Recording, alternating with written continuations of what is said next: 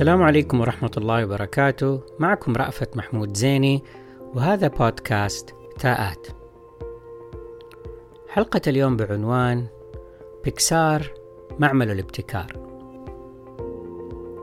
بعد دراسته للفيزياء والرياضيات وعلوم الحاسب أكمل الطالب إد كاتمل دراساته العليا في معامل جامعة يوتا وتتلمذ على يد إيان ساذرلاند أبو الرسم بالكمبيوتر. فعمل على ابتكار خوارزمية رياضية لحل معضلة توزيع الإضاءة والظلال على الأسطح المنحنية. فكانت تلك أطروحته لنيل درجة الدكتوراه والتي شكلت نقطة تحول في مجال الرسم الثلاثي الأبعاد بواسطة الكمبيوتر. انتقل كاتمل بعدها للعمل كباحث في جامعة نيويورك لكنه لم يلبث أن ترك مجال العمل الأكاديمي واتجه لتطبيقات التحريك في المجال الفني. والذي كان متيما برمزه والت ديزني.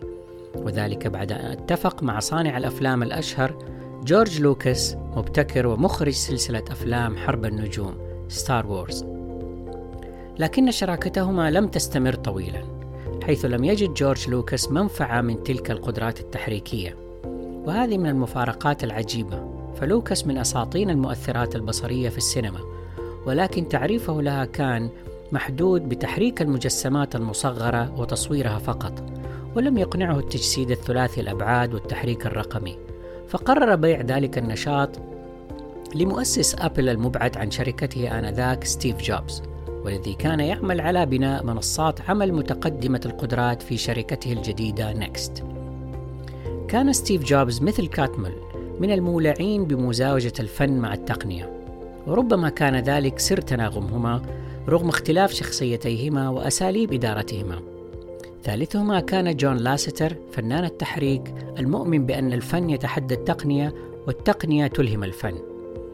اندمج الثلاثي كاتمل ولاستر وجوبز في العمل الفني التقني بشكل ممتاز حيث عمل جوبز على توفير الدعم المالي السخي والخبرة في عالم الأعمال وركز كاتمل على بناء أجهزة قوية وبرامج رسم ومعالجة فائقة الجودة وانكب جون لاستر وفريقه على تجويد كتابة القصص ورسمها وتحريكها.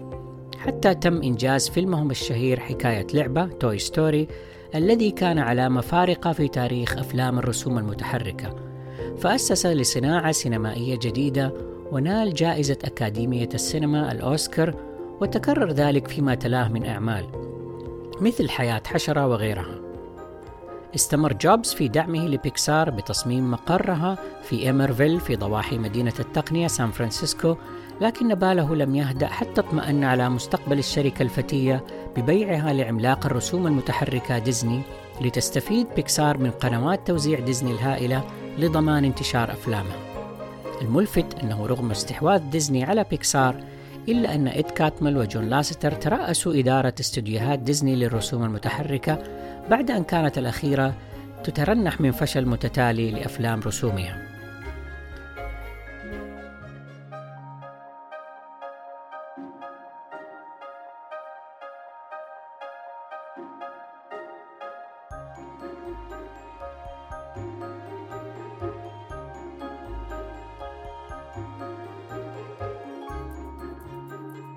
فماذا كان لدى بيكسار من أسرار كي تحتل تلك المكانة؟ تتميز ثقافة بيكسار المؤسسية بالصراحة الشديدة والشجاعة الأدبية في إبداء الآراء فيما يتعلق بأسلوب صياغتها لقصص أفلامها وتنفيذها.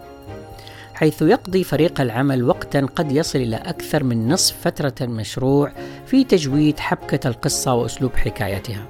ثم تبدأ مراحل التنفيذ التقنية التي تليها. يتم عرض التقدم في مراحل الفيلم في اجتماع أسبوعي يدوم لمدة ساعات يعرف بالبرين تراست أو مجلس الخبرات يتم خلاله مشاهدة العمل ونقده نقدا بناء قويا يساعد المخرج على صياغة رؤية الفيلم وتجويد تفاصيله مع تحميله مسؤولية الاختيار والقرار مما يقلل من النزعة الدفاعية ضد النقد. لخص إد كاتمل تلك التجربة بأسلوب بديع في كتابه شركة الإبداع Creativity Inc.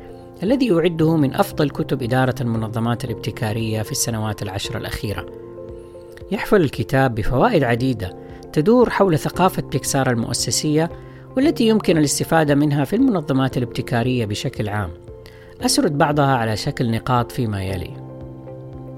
واحد عندما يتحلى القائد بالشجاعة ويعترف بأخطائه فإنه يتيح مجالا لغيره بالاعتراف وبالتالي تتعلم المنظمة من أخطائها اثنين الأسرار في المنظمة هي رسالة ضمنية بعدم الثقة في الموظفين وتعيق تبادل الثقة وفي النهاية تعيق المحافظة على السرية التي تعد التي تعد جوهرية في صناعة الأفلام.